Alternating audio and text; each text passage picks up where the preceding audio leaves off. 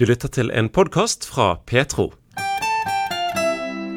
Ekteparet Silje og Vidar Pettersen møttes da begge gikk på samme bibelskole for 18 år siden. I dag jobber han som lege, hun som familieterapeut, og de har fire barn. Musikk, lovsang og tilbedelse er òg viktig for begge. Faktisk var det musikken som førte de sammen.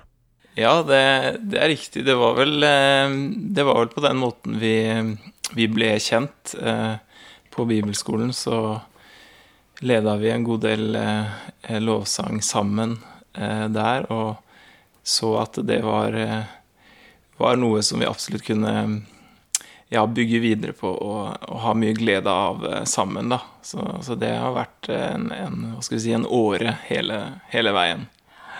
Mm, ja, det er helt sant. Lovsang har virkelig vært en åre som har fulgt oss helt siden bibelskolen, faktisk.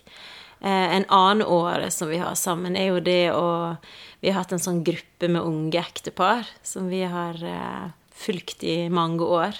Sånn at det med familiearbeid, det er noe som Vidar òg er veldig interessert i. da.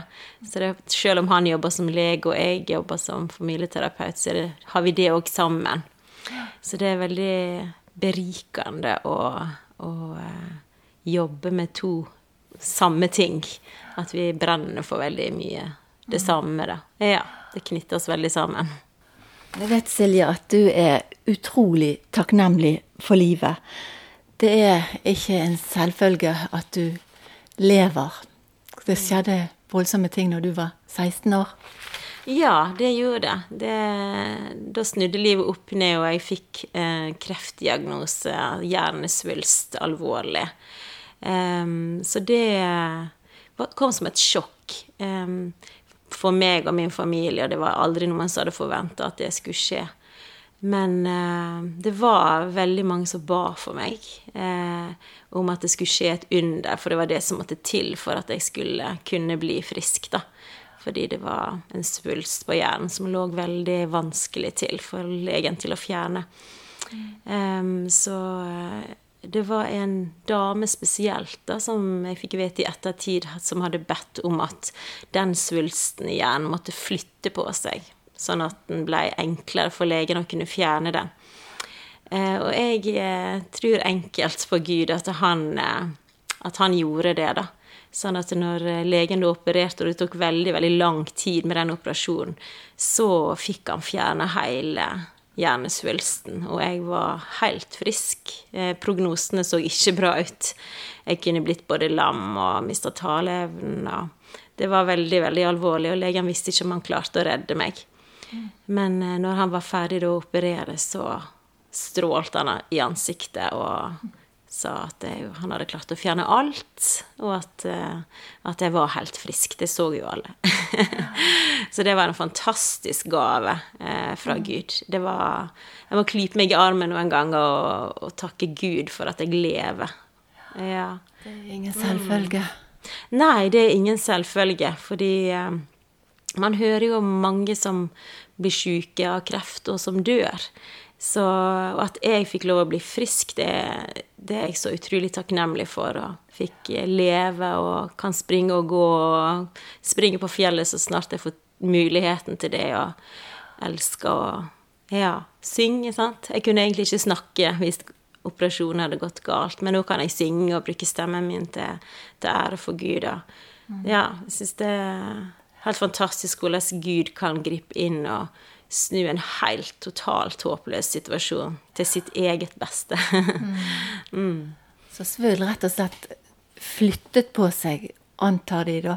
Mm. Og, og, og, jeg vet at din far ba veldig for deg hver eneste kveld, sikkert til mor, men jeg mm. husker du har fortalt at han var hjemme og ropte hver kveld og holdt rundt deg at ja. du måtte få leve. Ja, og det, det knytter meg og, og, pappa veldig sammen, da, for at det kom jo et vers òg før den operasjonen fra salmene der det står at de ropte til Gud i sin nød, og han sendte sitt ord og helbredet dem. og de skal fortelle med under, altså om hans underfulle gjerninger mot menneskenes barn. Og når Vidar var ferdig utdanna lege, så satt vi og hadde en sånn fest nede på Haukeland. Og så så jeg at pappa var veldig rørt, og så spurte jeg hva er det, pappa? Liksom, nei, da sa han at sist gang jeg satt her, eller var her i det bygget her, så var det når du var alvorlig syk. Han hadde ikke vært der på så mange år. Og så sa han til meg at jeg ropte til Gud for deg, Silje. Jeg ropte til Gud og kjente Oi, Gud! Det ropet fra min eh, far her på jorda, det nådde opp til min himmelske far. Sånn at eh, Ja, pappa ble bønnhørt, rett og slett. Det ble så sterkt for meg når pappa sa det mange, mange år etterpå, at han ropte til Gud. Og det er jeg så utrolig takknemlig for. ja. Og nå er det jo gått faktisk 25-30 år. Ja. Det er gått veldig, veldig lang tid siden det skjedde, men eh, eh, likevel fortsatt så kommer den enorme takknemligheten opp i meg veldig, veldig ofte over at jeg faktisk får leve, at jeg har fått fire barn og fikk gifte meg med Vidar. Og, ja. Så det har jo vært eh, eh, På grunn av operasjonen så har jo jeg vært litt redusert sånn i forhold til å kunne klare det meg like mye som andre som ikke er gjenoperert. da. Og der har jeg opplevd veldig videre som en veldig støtte, da. Gjennom hele vårt ekteskap. At han har steppa opp når jeg ikke har klart f.eks. Eh, stå opp på natta, kanskje av og til med babyene og sånne ting, så har han på en måte tatt morgenene og vært en utrolig støtte for meg, da. Så det har knytta oss veldig sammen. Mm. Jeg forstår det at det kom en veldig fred oppi det hele som har vart. eh, Guds fred oppi alt. Ja, det, det kom en fred da når jeg på en måte fikk vite det, da. Det var min far som fortalte meg at, eh, at eh, legen hadde ringt og sagt at det var så alvorlig som det var, da. Eh, Men akkurat når han fortalte meg det, da, at jeg hadde hjernesvulst og de visste ikke hva de skulle gjøre, så kom Guds fred veldig i hjertet mitt, og, og jeg hørte veldig sterkt eh, Guds stemme som sa at eh, uansett hva som kommer til å skje, Silje, så kommer jeg til å være med deg. Om du, om du lever, om du blir eh, Om du dør, så er jeg med deg. Og det var en fred som bare la seg eh, i hjertet mitt, og den har vart hele tida, så jeg har aldri vært måte redd for å få kreft igjen. Det har aldri vært et tema at jeg skulle få noe kreft tilbake igjen, for den sterke inngripen som Gud gjorde den gangen med å helbrede meg, det har liksom Ja. Det har bare blitt sterkt. Holdt meg fast. Så det holdt gjennom dødsskyggens dal òg. Ja. Mm. ja, for det har faktisk òg blitt noe som jeg har tenkt på. Gud, jeg har faktisk gått gjennom dødsskyggens dal. Noen ganger får du en sånn åpenbaring over bibelvers. Faktisk det jeg gjorde den gangen. Da gikk jeg faktisk gjennom dødsskyggens dal. Og jeg tenkte ikke over det at det var faktisk det jeg gjorde. Og Gud var med og førte meg ut av den. Mm. Hva tenker du da, Vidar, som lege og alt? Er du redd for at det skal komme tilbake, eller hva tanker har du rundt dette her som, som din kone opplevde før du traff henne? Em, nei, altså for meg så var det jo kanskje mest en, en spennende historie som, som hadde skjedd eh, mange år før jeg traff Silje. Men eh, mens vi var forlova, så, så skjedde det at, eh, at Silje fikk et, et sånt epileptisk anfall på bussen eh, på vei til, eh, til byen. Eh, hvor hun også mista bevisstheten. Altså det var et stort anfall. Og da, da, da er klart at da var både jeg og, og Silje en stund litt redd for hva er dette, kan det være svulsten som har kommet tilbake? Eh, og så ble det jo ganske raskt gjort undersøkelser, og det viste seg at det var jo ingen svulst, men, men de begrunnet det med at det var et arr eh, på hjernen akkurat der. Eh, i det området der hvor det var gjort en operasjon som gjorde at hun eh, lettere kunne få sånne anfall. Da. Så klart, det, det var en, en støkk og en, en tøff ting eh, å oppleve når vi var eh, forlova.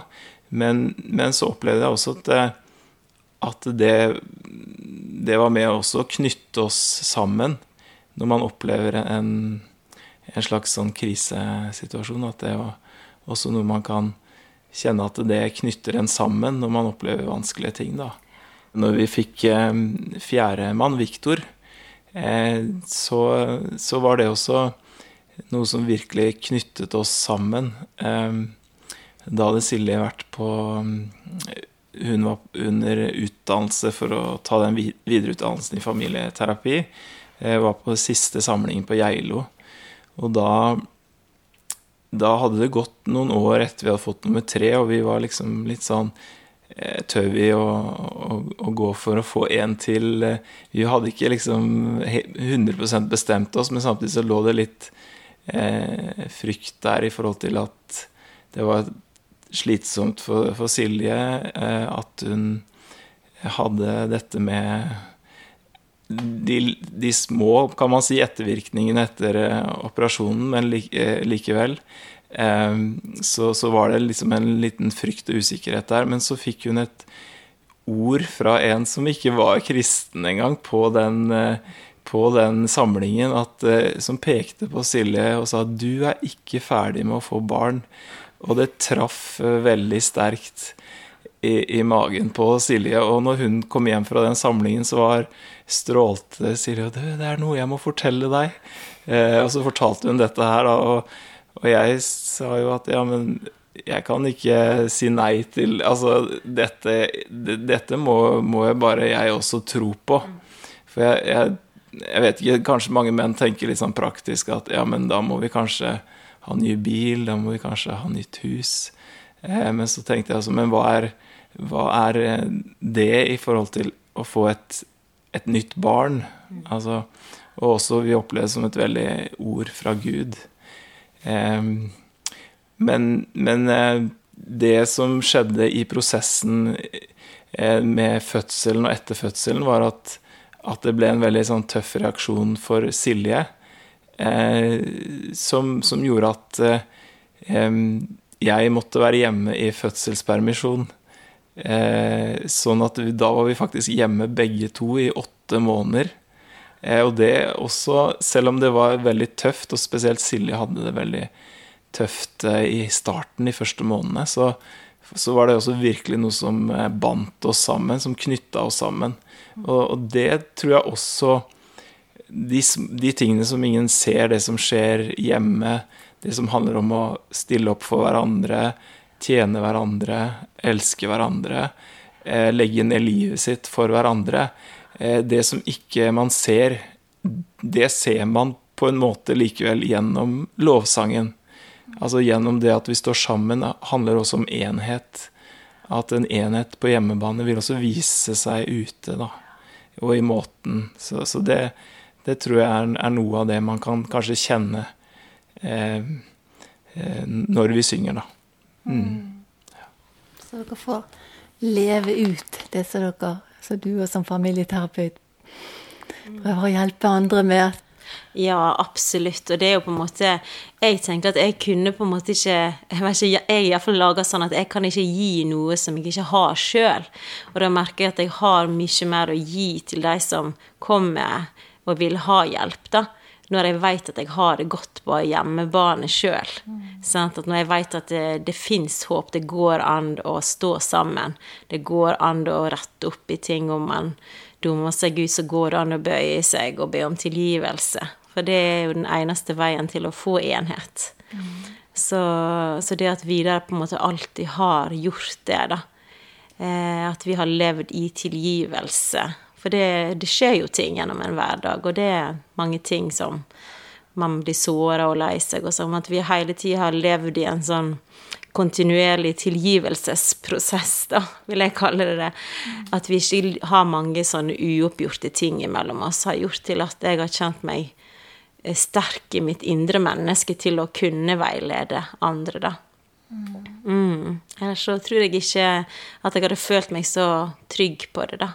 Ja, det er jo Hva skal vi si, det er jo alltid en, en sånn eh, eh Hva skal vi si om det en, en kamp, dette med å Mellom det å eh, stole på Gud i forhold til det å stole på eget intellekt, egen kraft. Det, det, er klart at det, det, er noe man må hele tiden øve på og trene på dette. At bekymringer kommer, frykt kommer usikkerhet på forskjellige ting, så, så er jo det noe man må stadig vende tilbake til og minne seg selv og hverandre på at nei, men du har sagt at vi ikke skal bekymre oss, du har sagt at vi skal stole på deg.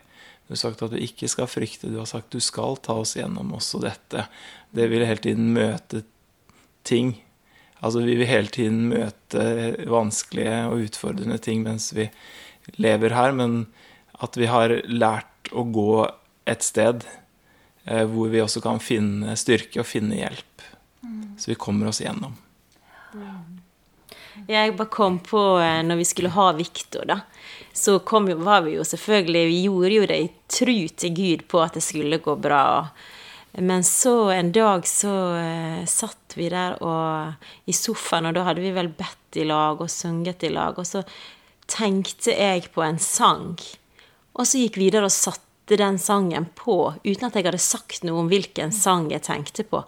Og da satte han på 'Lær meg å kjenne dine veier'. Og det er en sang vi aldri har sunget. Vi visste om den sangen begge to, men vi har aldri sunget den eller vært opptatt av akkurat den sangen. Så av alle hundre tusen sanger som fins, gikk han og satte på den samme sangen som jeg tenkte på.